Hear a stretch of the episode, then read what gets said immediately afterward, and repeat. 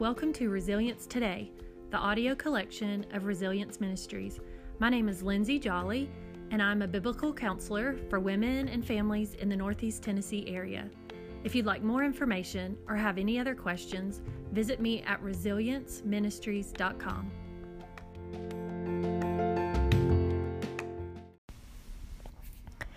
As a preview to this teaching, please be aware that it is an interactive workshop and so people are asking questions and reading aloud throughout the room. So volume varies from person to person. This teaching will be most helpful if you follow along with the corresponding worksheet. If you don't already have access to this worksheet, write me at contact at resilienceministries.com and I'll be happy to email you a copy.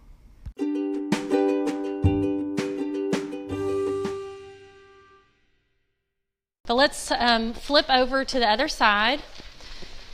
And we're going to read the, the last three sections on there. Um, so, the structure for your small group is what we just talked through check in and then life transformation questions. The check in, every single person that is present that day does that. The life transformation questions, you go one at a time and one person answers all three questions. And then you go to the next person, and one person answers all three questions. As they are answering all three questions, this backside is going to tell you how to interact with them as a group. Does that make sense? And it may take, one person may talk for 20 minutes, they may talk for 30 minutes, depending on, usually, if we have a certain amount of time, we'll kind of look at, okay, we've got an hour and a half. That means um, we've got four people here, so we can each kind of go for 20, 25 minutes. And we kind of keep an eye on it, on the time to try and help us stay on track. Um, other times, like somebody will be in a crisis, we might talk to them for 45 minutes. So, um, who can read instructions for the person sharing nice and loud? Yes. Mm-hmm.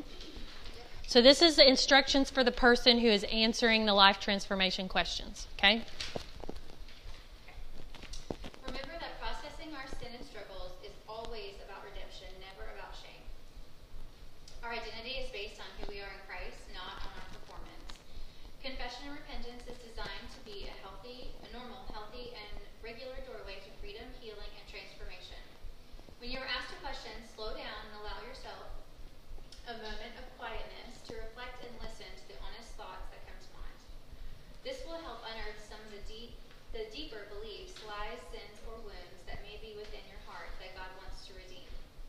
Avoid lengthy stories. They eat up a lot of the group time.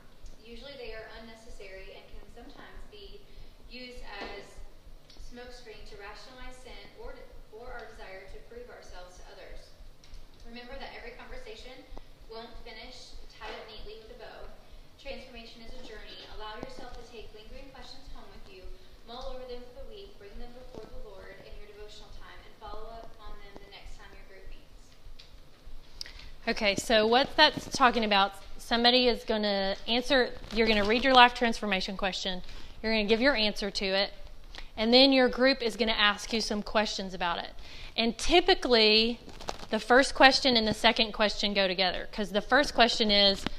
what is God teaching you through the word and prayer? And the second question is, what sin do you need to confess and repent of?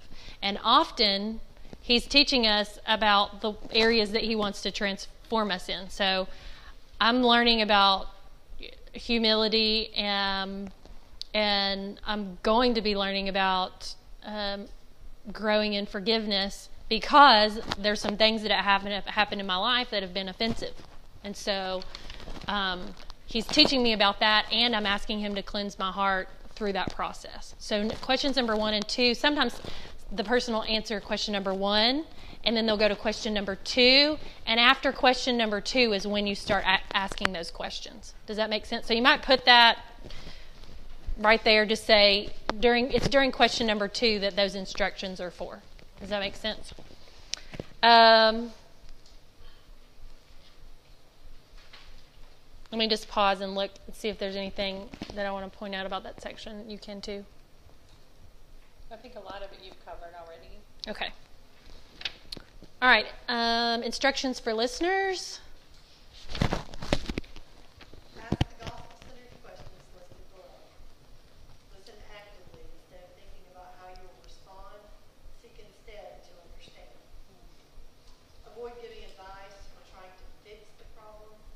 Allow the person space to wrestle with it. That's probably hard.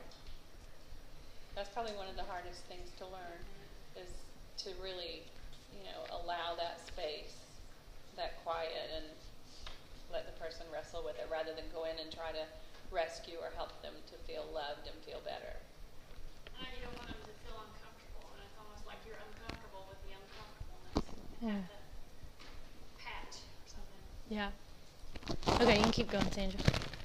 Allow the person sharing the moments of quietness they need in order to think, reflect, and listen to the Holy Spirit during the conversation. Resist the urge to redirect the conversation back to yourself and tell a personal story that relates. That, I didn't read all of it, that sort of sounded all makes sense too, tell the story. Yeah, no. I, I was with you. Try not to project what God is teaching you or what you're struggling with onto another person's journey. Stop and pray for the person when appropriate. Have just one person pray in order to use time wisely. Allow the conversation to finish without a need for resolve. Give the person room to continue seeking God. So I want to point out something about number three and four. Both talk about giving the person space to think and reflect.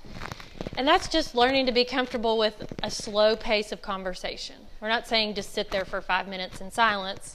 We're just saying let them think, let them process, because you're going to be asking a lot of questions. You're not going to be giving a lot of advice. You're going to be asking questions. And, and instead of them just saying the right answer that comes to mind, let them think about what do I truly believe about that? What do I really think to be able to authentically process?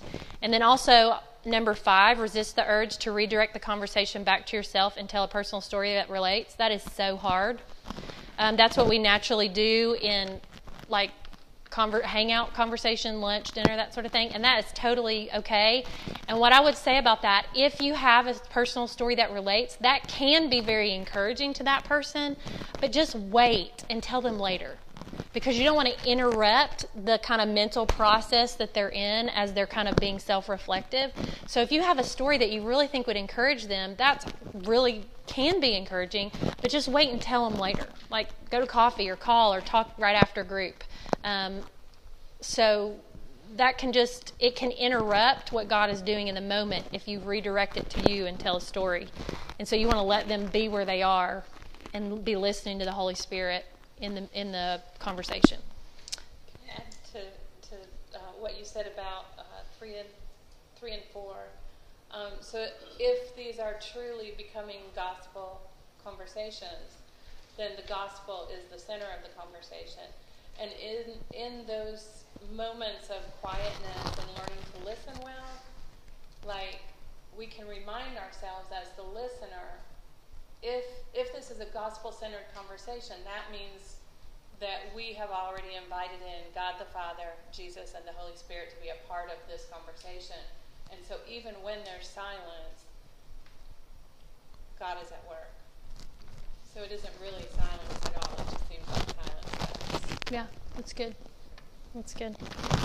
Um, I'll also just mention about number six try not to project what God is teaching you or what you're struggling with onto another person's journey. Um, that can be really hard to even recognize sometimes in ourselves. Um, Karen and I have laughed because we had an experience like I had an experience like that one time where actually I've had that experience several times, and I'm sure I've done that. We'll we'll all kind of mess up on these throughout, and then we have to wait a second. Let me redirect.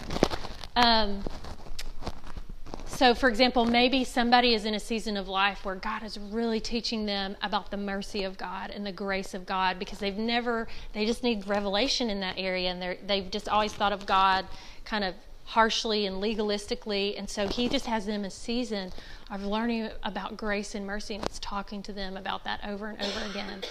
It can be very tempting in a conversation then for you to kind of push in that direction with that person because that's what you're learning about. But God may or may not be highlighting that to them in that season. That's why it's better to ask questions and have them listen than give advice because He may be teaching them about obedience. And if you come in with, well, God's grace and God's mercy, it might just be, it's true, it's a truth, but it might not be what He is highlighting to them right then. Now, if somebody is saying something that's unbiblical, which I do think is important to talk about, if somebody is saying something that just does not align with Scripture, at that point it's good to say, well, what does the Scripture say about that? And let them think on that. And if they don't know, because they've not read the Bible much, you can say, well, here's a couple verses. And after you say them, instead of teaching them, you say, what do you think about these verses? What does this, what does this say to you? And so it, um, it's hard not to project what you're learning onto the conversation. And sometimes it can be really beneficial because maybe you've lived it out, and when you speak, you speak with some authority in, in an area because you've lived it. Um, but just kind of take note of that and say, Am I kind of projecting my life onto this person's life, or am I letting them be where they are on their journey with God? Does that make sense? Yep. Okay. We're almost going to take a break. Um, what time is it? It's 22. 20 till.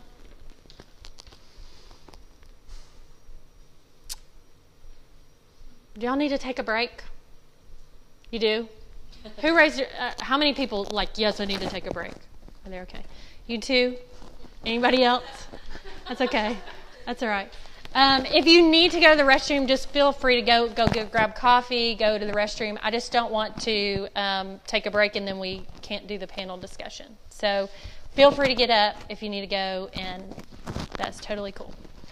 Um, gospel centered questions. So these are the so if you don't know what questions to ask, these are great. You can just look at this list every week and say which one of these questions kind of goes along with what this person is saying or what, which one of these questions is, is God highlighting to me and you want to actually reference these and look and ask you can ask these questions word for word to the to the persons that's sharing. So one more reader and this will be the last thing that we read. Anybody? Okay. Who was that? Well, let me do it. Yeah. Oh, I don't. It. Yes. Big, big and loud. What would redemption be for you personally? What is preventing this from happening? How is the Holy Spirit convicting you? What does the Word of God say about this? What is your sin in the situation? What is deeper? sin? What is What is the? What is the? Sorry. what is the deeper sin behind the presenting sin? What is What lies are you believing about this? In what ways is this a pattern in your life? What does, what does it look like for you to own your response behavior rather than blaming others? How does the problem make you feel? How does the gospel and the cross of Christ apply to the specifics of the situation?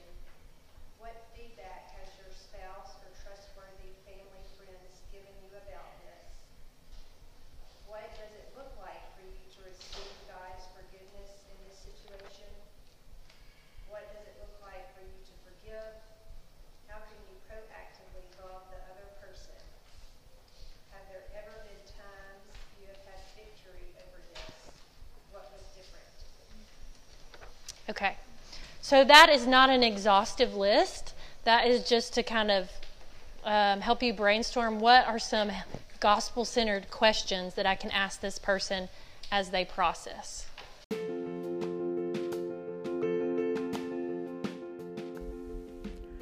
I hope you enjoyed today's teaching.